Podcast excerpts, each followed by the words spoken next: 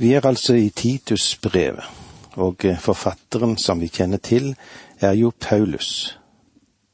Og eh, han regner med at dette er skrevet år 64-67 etter Kristus. Og eh, grunnen til at brevet ble skrevet er slik at Titus han hadde en spesiell oppgave. Det er tydelig at Paulus og Titus hadde vært sammen om en misjonstjeneste og da særlig på øya Kreta. Vi ser der i det første kapitlet, vers fem. Jeg lot deg bli igjen på Kreta for at du skulle bringe orden i de ting som fremdeles var ugjort. Du skal innsette eldste i hver by slik jeg påla deg.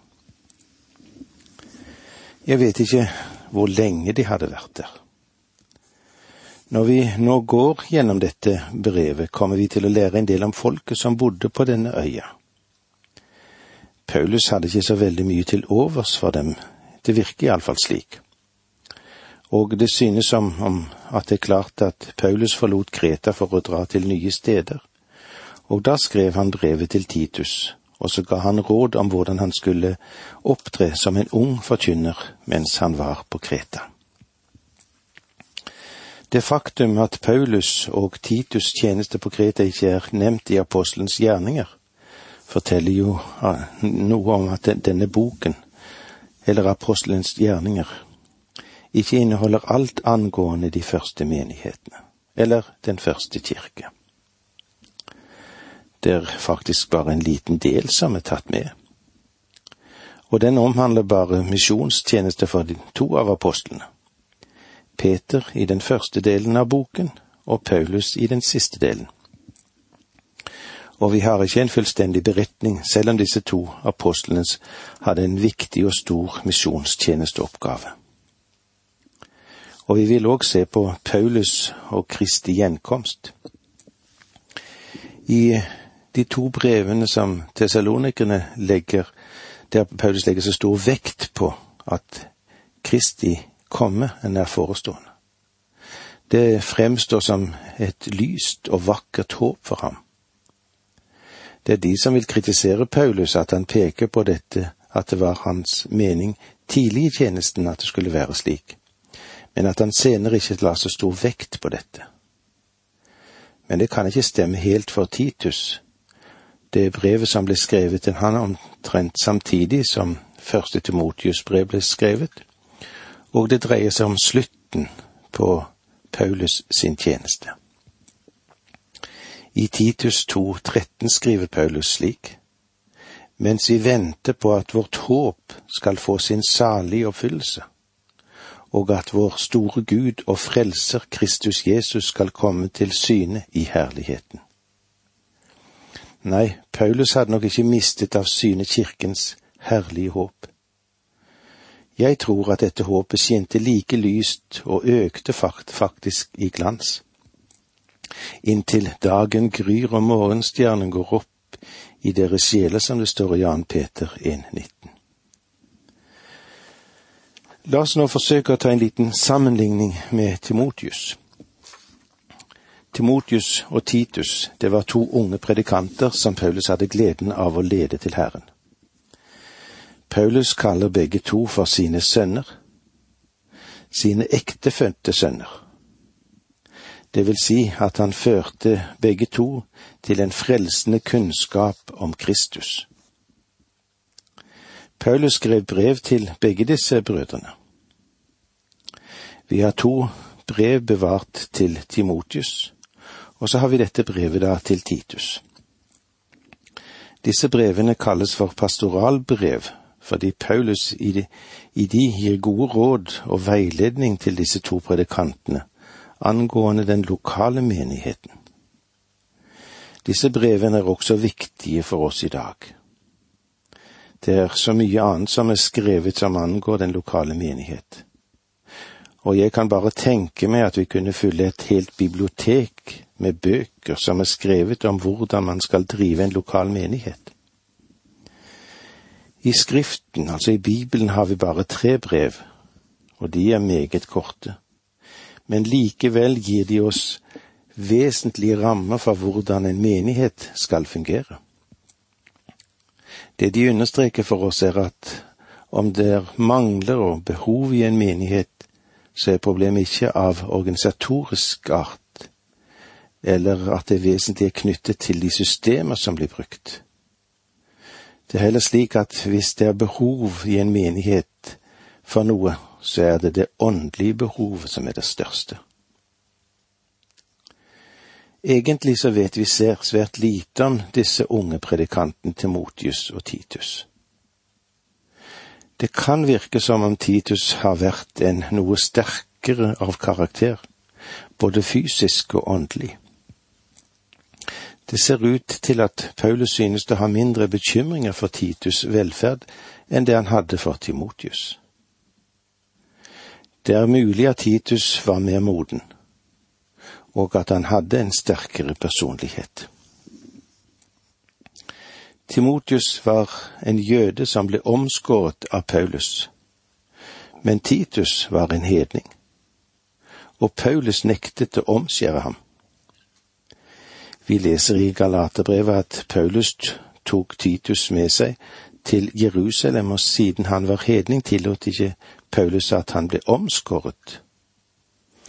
La oss se hva det står i andre kapittelet i Galaterbrevet, de første tre versene der. 14 år senere dro jeg igjen opp til Jerusalem sammen med Barnabas, og jeg hadde også Titus med meg. Jeg reiste dit på grunn av en åpenbaring. I et eget møte med de mest ansette la jeg frem for dem det evangelium jeg forkynte blant folkeslagene. For jeg ville ikke at hele mitt arbeid skulle være, i, være forgjeves men ikke engang Titus, som var med meg, og som er greker, ble tvunget til å la seg omskjære.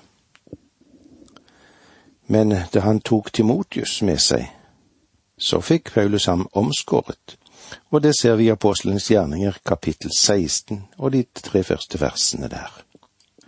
Han kom da også frem til Derbe og Lystra. Der var det en disippel som het Timotius. Hans mor var en kristen jødinne og faren greker. Brødrene i Lystra og Ikonium hadde bare godt å si om ham. Paulus ønsket å ha med seg på reisen, og han omskar ham av hensyn til de jødene som bodde i disse strøk. Paulus omskar altså en ung predikant, og så nektet han å omskjære den andre. Skal man dra en konklusjon av det, så kan han bare bli på denne måten som det står i Galaterbrevet 6.5.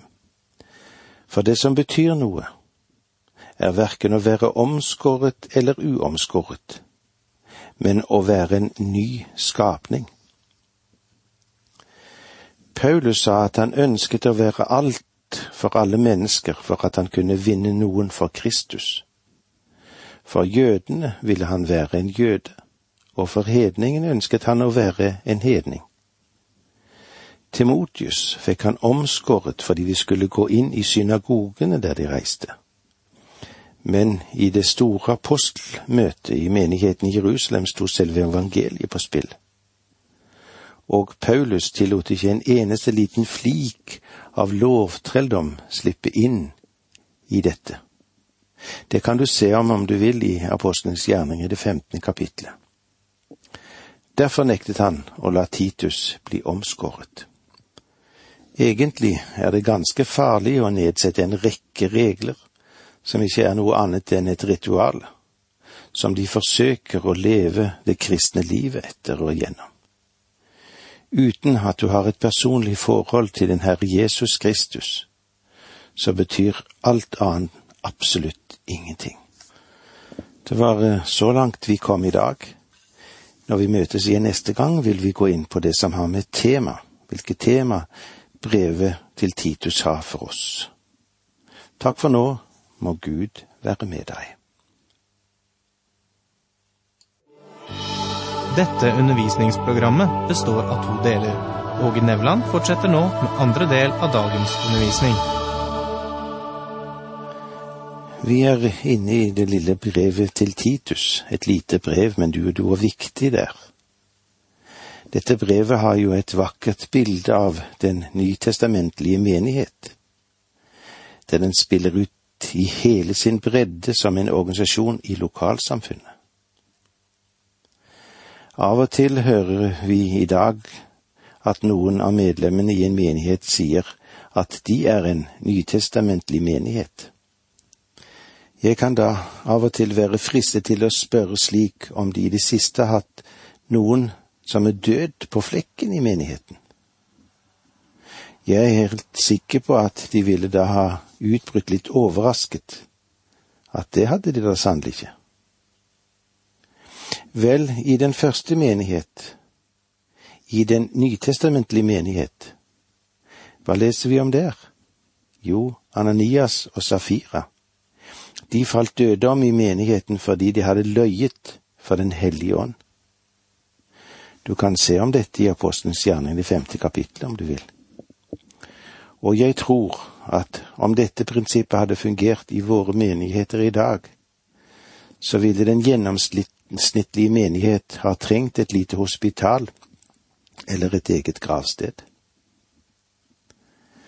Den ideelle menighet, ifølge dette brevet, er en har en ryddig organisasjon.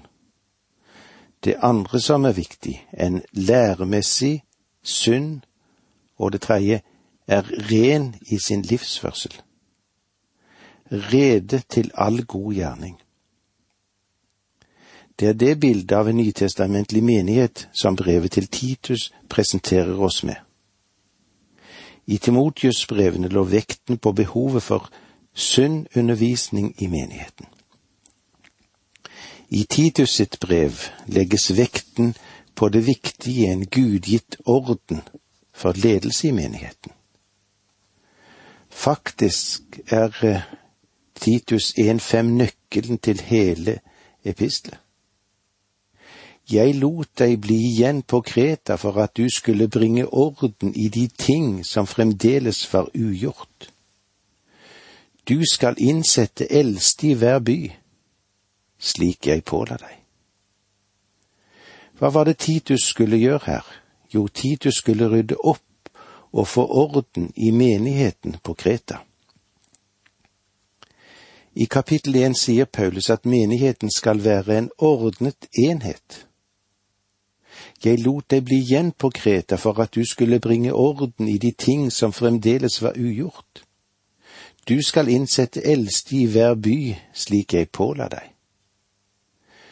Går vi til kapittel to, understreker han at menigheten skal undervise i og forkynne Guds ord. Vers 1 i kapittel 2. Men du skal tale i samsvar med den sunne lære. Han sier at menigheten må være læremessig sunn i troen. Og i kapittel tre, der lærer vi at menigheten skal gjøre gode gjerninger det første verset i kapittel tre. Du skal minne dem om å underordne seg under styresmakten og myndighetene, rette seg etter dem og være villig til å gjøre alt som er godt. Med andre ord så er menigheten, altså kirken, frelst ved nåde. Den skal leve ved nåde, og den skal demonstrere sin tro for verden gjennom sine gode gjerninger. Jeg vil driste meg til å si at det er ikke så enkelt i dag å finne en menighet som drives frem etter disse tre viktige kriterier. Det som skal legge vekten på alle disse tre pilarene. Noen vil understreke det ene, mens andre de vil understreke det andre. La oss nå se litt nærmere på hver av disse tre tingene. Først av alt skal menigheten være en ordnet menighet. Alt, skrev Paulus til korinterne, skulle foregå i orden og sømmelighet. La oss se første korinterbrev, kapittel 14, vers 4. Men alt må gå sømmelig og ordentlig for seg. Noen ganger finner du ikke så mye orden i en menighet. Og ofte er årsaken den at det er noen få ledere som forsøker å drive frem det hele. En slik menighet kan være i store vanskeligheter og kan drive forkynneren eller presten til fortvilelse. Menigheten skal være en ordnet menighet der alle underordner seg alle. Det er ikke vår menighet, men det er Kristi menighet. For det andre, i mange menigheter merker du at det legges ikke vekt i det hele tatt på sunn lære. Det er absolutt nødvendig og sentralt for en menighet å forkynne Guds ord. Det dreier seg ikke om å bygge opp en organisasjon eller utvide bygninger, men det det dreier seg om, er å bygge Guds ord inn i menns og kvinners liv. For det tredje bør en menighet være kjent for sine, gode, for sine gode gjerninger. Noen ganger blir det lagt så stor vekt på en rett lære, og eh, jeg vil ikke undervurdere det. Men eh, at den gode lærer, rette lærer, at det gode de kunne ha gjort mot mennesker, blir skjøvet ut på sidelinjen. En menighet må være engasjert i å gjøre godt. Det finnes en del kristne organisasjoner og menigheter som er så opptatt av å få inn den finansielle dekningen for menighetens drift, at de blir mer interessert i å få mennesker til å gi enn de er opptatt med å hjelpe enkelte mennesker. Det er mange mennesker som trenger hjelp. Ikke bare åndelig hjelp, men også fysisk og psykisk hjelp. Vi må gjøre noe for mennesker, for å hjelpe dem med deres fysiske behov. Jeg er glad for å kunne legge til at det finnes mange menigheter rundt omkring i vårt land som gjør en fantastisk gjerning for å hjelpe mennesker. I vårt velferdssamfunn som Norge har, finnes det mange store hyller. Det vet både du og jeg. Og det ser ut til at det blir bare større og større etter hvert. Det er en kolossalt stort behov for kristne mennesker med en kjærlighet og omsorg som kan vises igjen i gjerning. Du og du, vi trenger dette mer enn noen gang før. Det vi har vært innom nå, er bare et lite kort resumé av Paulus brev til Titus. La meg bare igjen få understreke at Paulus sitt brev til Titus lærer oss at en sunn menighet står på tre pilarer. La oss gjøre vårt til for at menighetslivet kan fungere etter disse tre retningslinjene. Når vi nå går inn på innhold i dette brevet, så kan vi vel si det slik, den første del i kapittel én er menigheten er en organisasjon. Det andre er at menigheten skal undervises i og forkynne Guds ord, som vi ser i kapittel to. Og den tredje delen, som er i kapittel tre, menigheten skal gjøre gode gjerninger. Når vi nå går inn i kapittel én, så kan vi sette som hovedoverskrift for dette kapitlet Menigheten er en organisasjon. Innledningen her i Titusbrevet er karakteristisk for de pastoralbrevene, men eh, er ikke karakteristisk for de øvrige brev av de som Paulus skriver. I vers 1 i Titus 1 leser vi slik.